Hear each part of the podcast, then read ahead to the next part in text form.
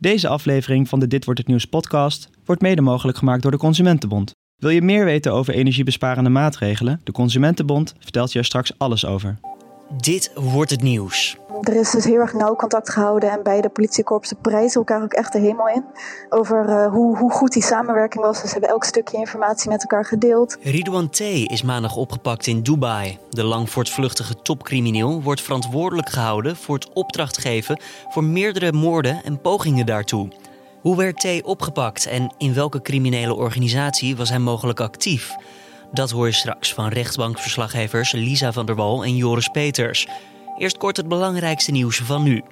Mijn naam is Julian Dom en het is vandaag dinsdag 17 december.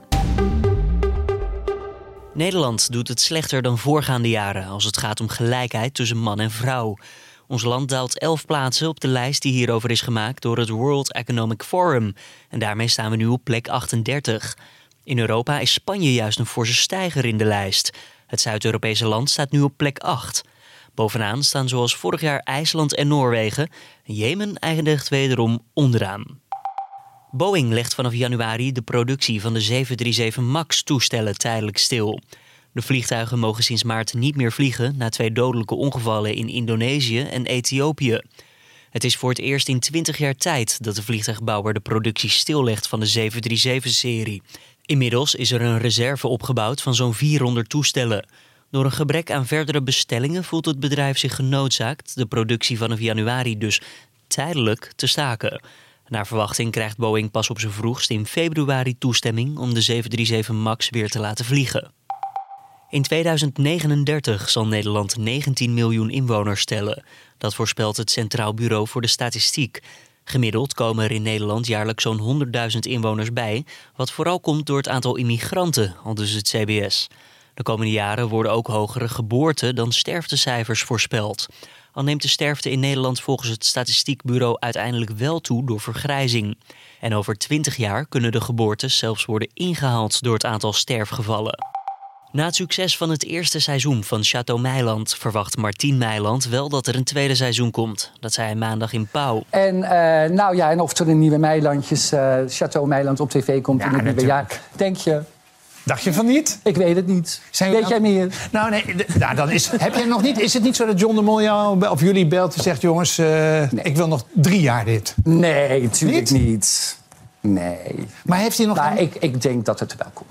Maandag begon op SBS6 ook een nieuwe serie met de titel Kerst op Château Meiland. Daarin wordt het gezin in hun omgebouwde Franse kasteel onder meer gevolgd bij de voorbereidingen op kerstmis. Afgelopen oktober wist Château Meiland de televisiering te winnen voor het beste programma. Maar zekerheid over een nieuw seizoen lijkt er dus nog niet volledig te zijn. Dan gaan we naar ons nieuwsonderwerp van deze dinsdag. Na maanden zoekwerk is het de politie en het Openbaar Ministerie gelukt. De ongrijpbare Ridouan T. is uiteindelijk toch gepakt.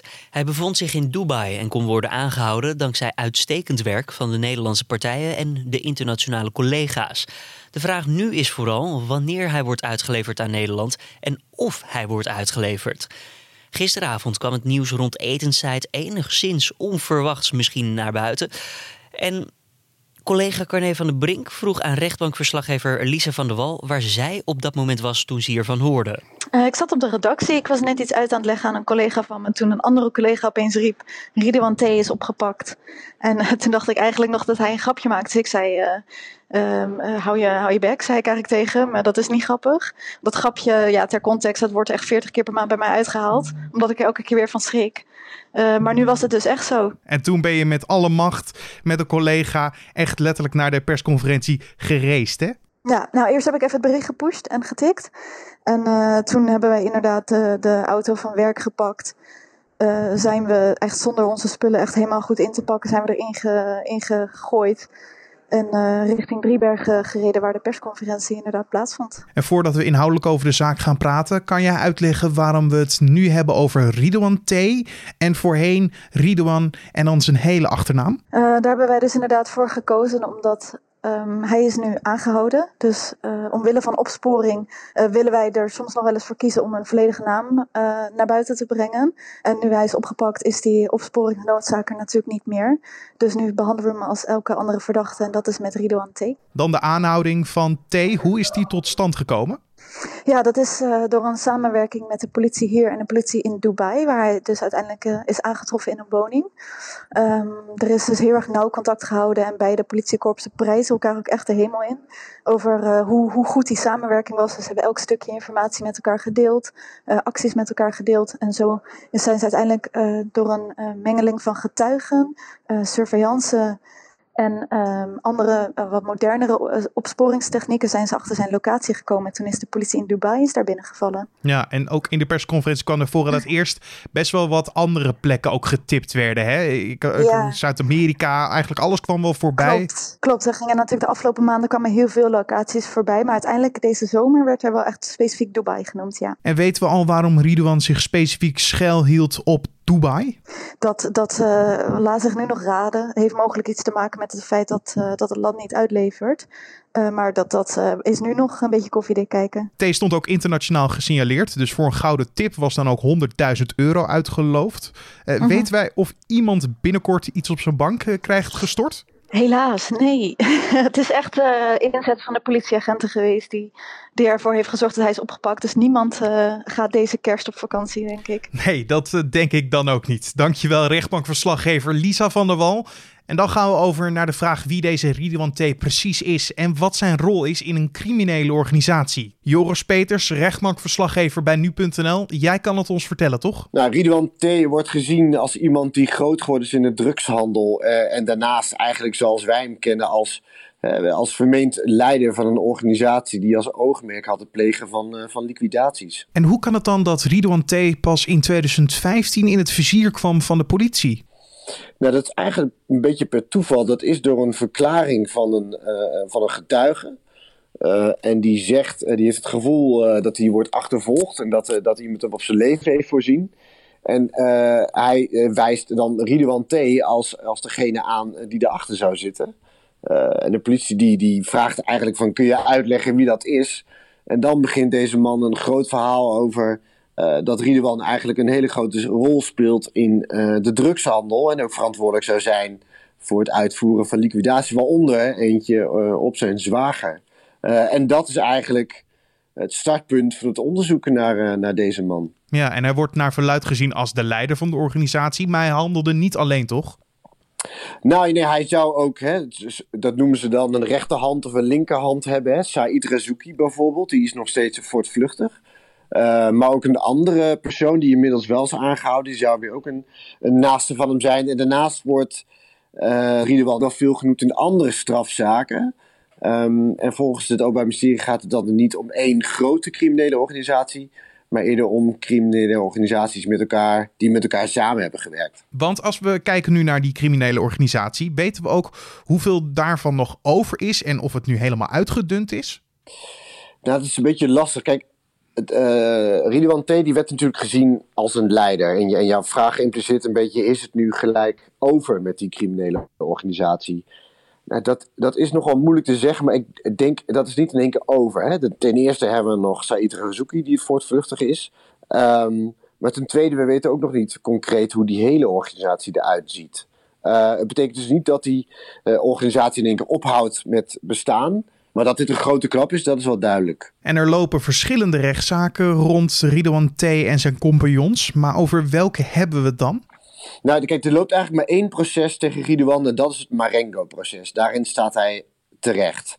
Uh, maar zijn naam valt ook in andere uh, strafonderzoeken. Bijvoorbeeld in de zaak tegen Richard R., beter bekend als Rico de Chileen. Daar is gisteren nog een inleidende zitting in geweest. En daar valt dan ook de naam van Riedewan, die zou hebben samengewerkt met, uh, met deze Richard R.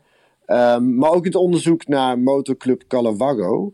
Uh, daar wordt Riedewan T. ook genoemd als opdrachtgever uh, voor verschillende liquidaties.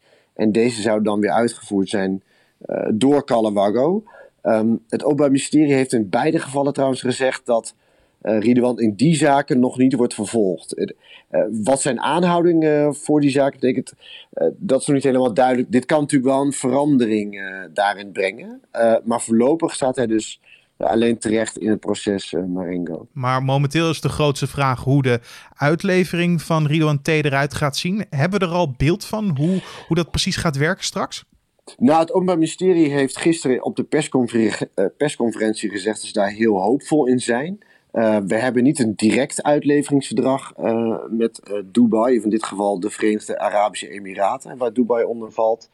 Maar er is wel iets als een, wat heet een multilateraal verdrag. En dat is een, een, een verdrag wat wij hebben als lid van de Verenigde Naties. En dat heeft ook de Verenigde Arabische Emiraten zijn daar ook onderdeel van.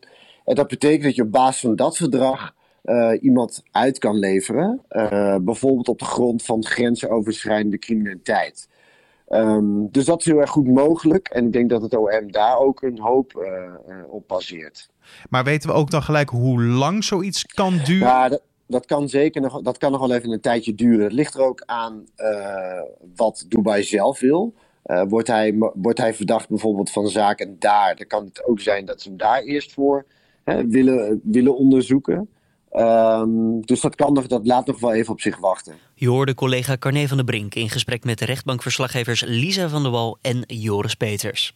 Dan onderbreken we de podcast nog even kort voor een bijdrage van de Consumentenbond. De klimaatplannen zijn ambitieus en Nederland moet van het gas af. De vraag is hoe je als consument nu al kunt bijdragen aan een energiezuinige toekomst. Aan tafel hier zit Joyce Donat van de Consumentenbond. Welkom. Hi. Welke energiebesparende maatregelen kan ik als consument nemen? Nou, wat je kunt doen is uh, vooral je huis isoleren. Dat is eigenlijk de belangrijkste maatregel om minder energie te gebruiken. En dat kan door hele grote dingen, dus spouwmuurisolatie, dakisolatie. Maar dat zijn wel vrij dure ingrepen. Het kan ook uh, veel kleiner. Toch strips, ligt nogal voor de hand natuurlijk. Maar bijvoorbeeld ook radiatorfolie achter je radiators, zodat je niet voor de buitenlucht stookt, zoals mijn moeder altijd zei. Dat scheelt ontzettend veel. En drie dubbel glas. Jij had natuurlijk al dubbel glas. Er is ook drie dubbel glas. En dat scheelt echt alweer een slok op borrel qua energieverbruik. En hoe zit dat met nieuwere woningen? Nieuwere woningen zijn veel beter geïsoleerd. Dat is bij de bouw al uh, zo, zo ge, gedaan. Uh, maar ook daar kun je natuurlijk nog kijken van wat valt er nog te halen. En verder, wat een hele belangrijke tip is, is bijvoorbeeld kijk even naar je cv. Je kunt je cv-installatie waterzijdig inregelen. Um, dat moet je doen, laten doen door een uh, deskundige. Dat kost wel geld. Maar daardoor gaat je cv-ketel veel efficiënter werken. Dat scheelt ontzettend veel energie. En, ja, verder kun je natuurlijk kijken, zeker als je in een nieuwbouwwoning woont, of een warmtepomp en zonnepanelen iets voor je is. In huis gebruiken we natuurlijk ontzettend veel elektronische apparatuur. Wat valt daar te winnen? Nou, vooral de oude apparatuur moet je eigenlijk zo snel mogelijk je huis uitdoen. Vooral oude koelkasten, die verbruiken ontzettend veel stroom. Uh, verder, ja, sluipverbruik is natuurlijk een bekende term. Zorg gewoon dat je de dingen niet altijd op standby hebt staan. Je hebt van die stekkerdozen met zo'n één, één aan- en uitknop. Dat helpt heel erg. Daar zet je gewoon alles mee uit. Je noemde net al even de warmtepompen. Daar ja. horen we veel over. Is dat een goede optie? Ligt er een beetje aan. Je moet wel een heel erg goed geïsoleerd huis hebben voor een full electric warmtepomp warmtepomp. Um, dat is eigenlijk alleen maar haalbaar in een nieuwbouwwoning.